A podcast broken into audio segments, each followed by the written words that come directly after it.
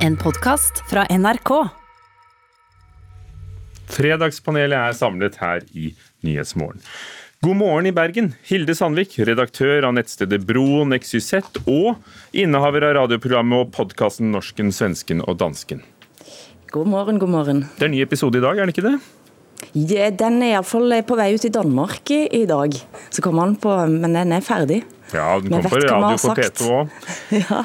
Kai Hanno Schwint, førsteamanuensis og medieforsker ved Høgskolen Kristiania. En av stemmene i podkasten Tyskerne, siden vi snakker om sånt. Ja, hei, hallo. Og Mathilde Fasting, idéhistoriker og siviløkonom i Tankesmien Civita. Hei, hei. Vi har hørt det i morges. BBC fjerner den mest kjente episoden av Hotell i særklasse etter de mange demonstrasjonene mot rasisme. Listen, don't mention the war. I mentioned it once, but I think I got away with it all right. So, it's all forgotten now, and let's hear no more about it. So that's two egg mayonnaise, a prawn Goebbels, a Herman Goring, and four colded salads. Is there something wrong? Will you stop talking about the war? Me? You started it? We did not start it. Yes, you did. You invaded Poland.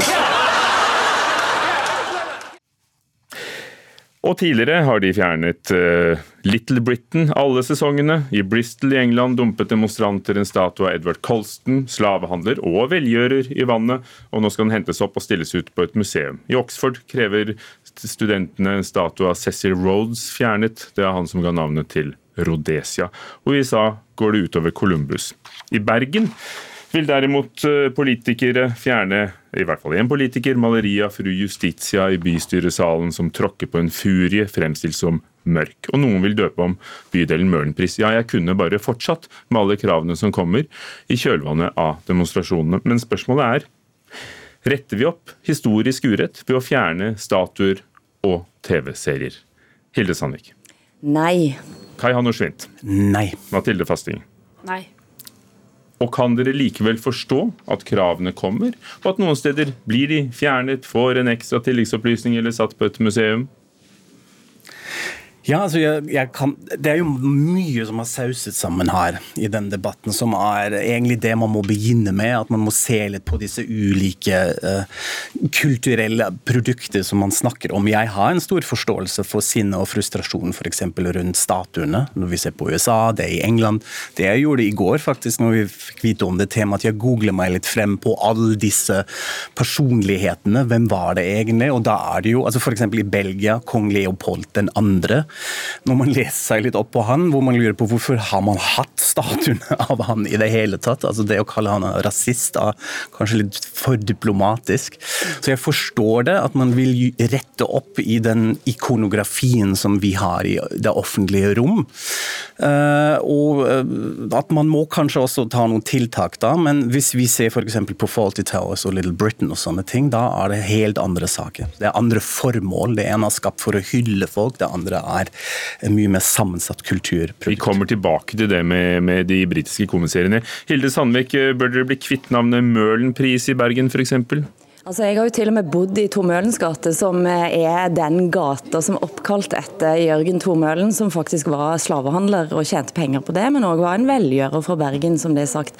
Han var altså hovedeier i dette første skipet Cornelia, som brakte 103 slaver til Vest-India, og så tok de vel med sukker tilbake, da. Det gjorde de, og eh, selvfølgelig så har det en lang historie. For bydelen Møhlenpris, som jo i dag er eh, en av de bydelene i Bergen sentrum med størst andel eh, folk fra ikke-vestlig bakgrunn, så er jo det Møhlenpris er blitt en, en, en, en bydel i Bergen som har dette mangfoldet som en nå på en måte sier at vi, vi ikke har vært i stand til å ha. Eh, og jeg, altså jeg tenker at det å fjerne navn, det å fjerne statuer, det å fjerne bilder, det om å fjerne det ene og det andre, det du gjør er at du òg på mange måter gjør det historieløs. En lærer i Bergen skrev et innlegg eh, som var veldig godt, der han sa at jeg bruker Tor, altså Tor Mølens gate og Møhlenpris for å fortelle elevene mine om den historien som òg Norge har.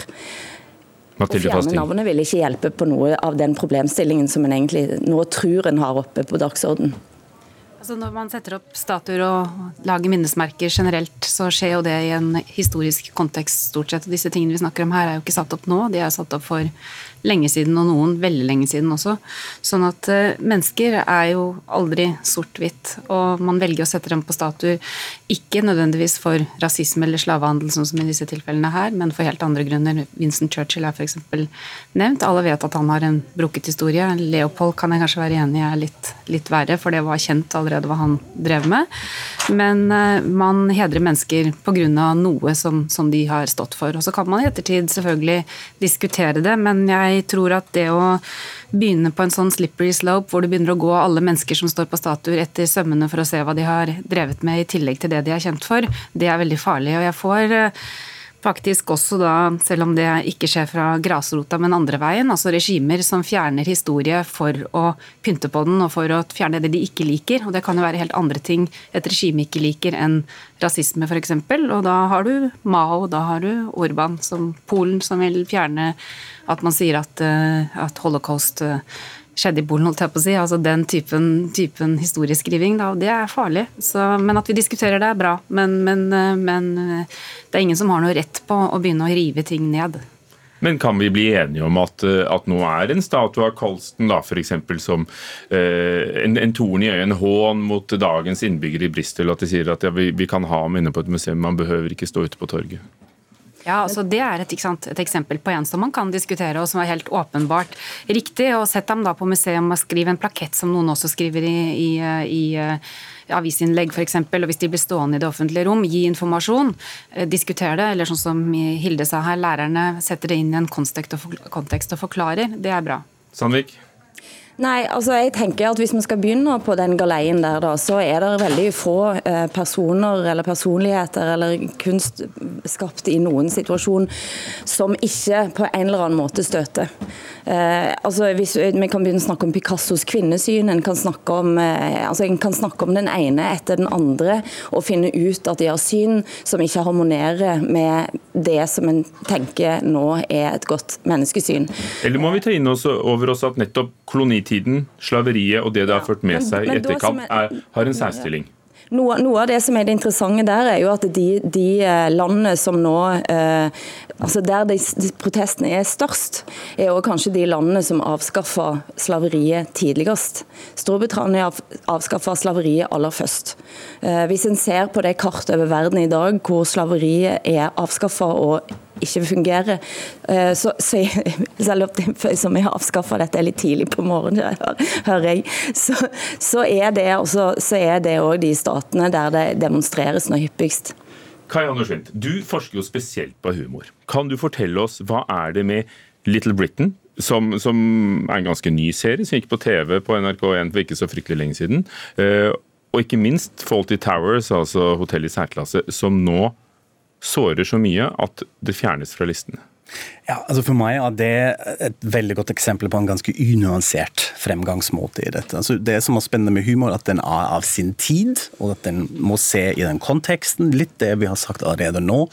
Men her er det også litt mer sammensatt. Little Britain for eksempel, blir jo mest anklaget nå pga. kanskje metodikken iblant. altså Matt, Williams, uh, Matt Lucas og David Williams som spiller hovedrollene. De kler seg ut i ganske groteske kostymer, og blant spiller de da også litt sånn overvektige afroamerikanske kvinner osv. Så, videre, så det er det vi kaller for blackface i dag. Dette er en sånn sett problematisk tilnærmingsmåte, men samtidig sparker de jo i alle retninger i denne serien. De gjør narr av alle mulige grupper. Dette er en samfunnssatire av Storbritannia i dag. Eh, og det som er spennende her, at den både har en faktisk rasistisk blikk iblant, men er også ganske antirasistisk. Så har det mange lag, og det å fjerne dette uh, hjelper absolutt ikke. Kort kommentar, Mathilde Fasting. Faulty Towers og Little Britain er borte. Jeg er vel, vel enig med sistnevnte her. Jeg syns det, det, er å ta det litt langt. Men man kan godt gi informasjon om innholdet på forhånd, men send det. Sandvik, blir det en renessanse for DVD-ene? ja, kanskje det. Vi har jo kasta DVD-spillere, så det vet jeg ikke. Nytt tema. Om man istället säger att kriget i Indokina var någonting som man icke kunde vinna och icke borde vinna därför att det var ett orättfärdigt krig, då har man ju en plattform att stå för för framtiden.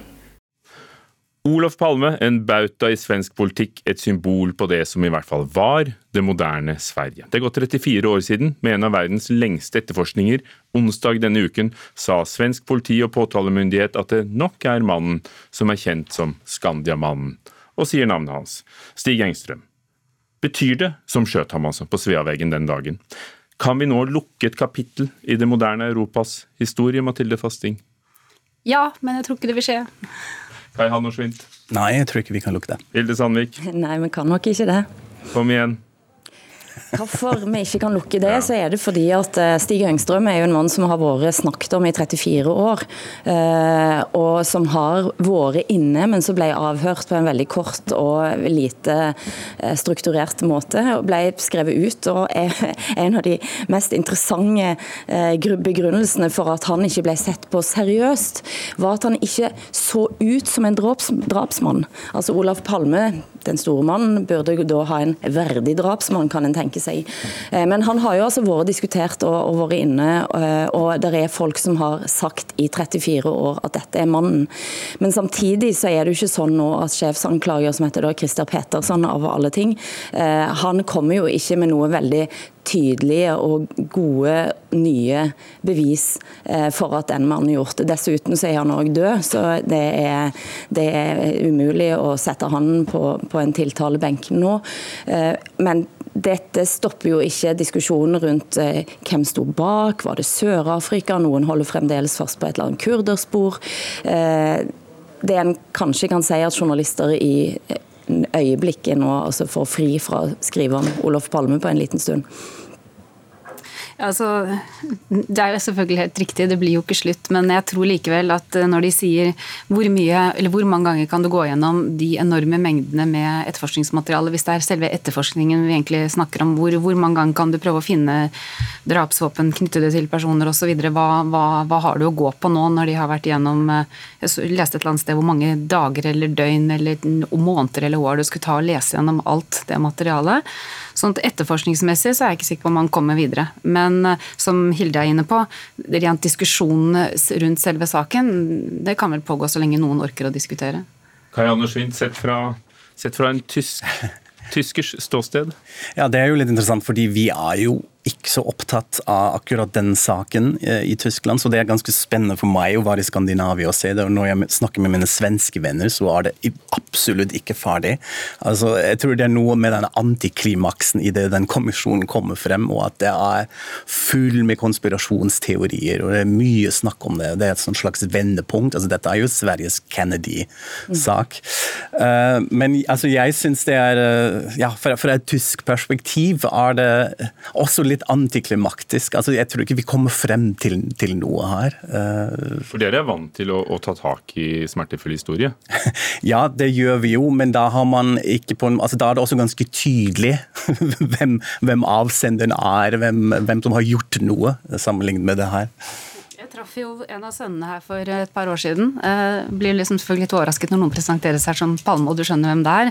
Og vi var også på den spiste i den gaten hvor dette skjedde. Eh, og de tre sønnene sier jo nå at de, eh, de godtar eh, dette. Så kanskje de på det personlige planet syns det er greit nå at denne mannen er utpekt som drapsmann, og at de erkjenner at ja vel, kanskje de i hvert fall personlig kan legge det bak seg, så får man se hva offentligheten klarer. Men det er jo en, en interessant sånn kriminalhistorisk her, så er det jo interessant å se på. altså En har utvikla noen avhørsteknikker siden 86, eh, som er noen helt andre enn det er i dag. Og hadde dette skjedd før, så hadde det antageligvis eh, eh altså, Hvis det hadde skjedd senere, så hadde en antageligvis sittet med morderen, fordi at en har, en har noen helt andre måter med, å, med avhør. En norsk Kennedy-sak, sa, sa, Kai her, Hilde Sandvik. Er det er det den type kraft i denne historien? Ja, det er jo det, helt åpenbart. Eh, og fordi at Palme òg hadde den ekstreme rollen som han hadde, så er det jo ingen tvil om at det er en Kennedy-sak. Takk skal dere ha. Vi setter strek der, vi, for Fredagspanelet. Hilde Sandvik, redaktør i Broen og, og programleder i Norsken, svensken og dansken. Mathilde Fasting. Tenker kom vi frem til i Civita, og Kai Hanno Schwint, medieforsker, Høgskolen Kristiania og tysker. Takk skal du ha.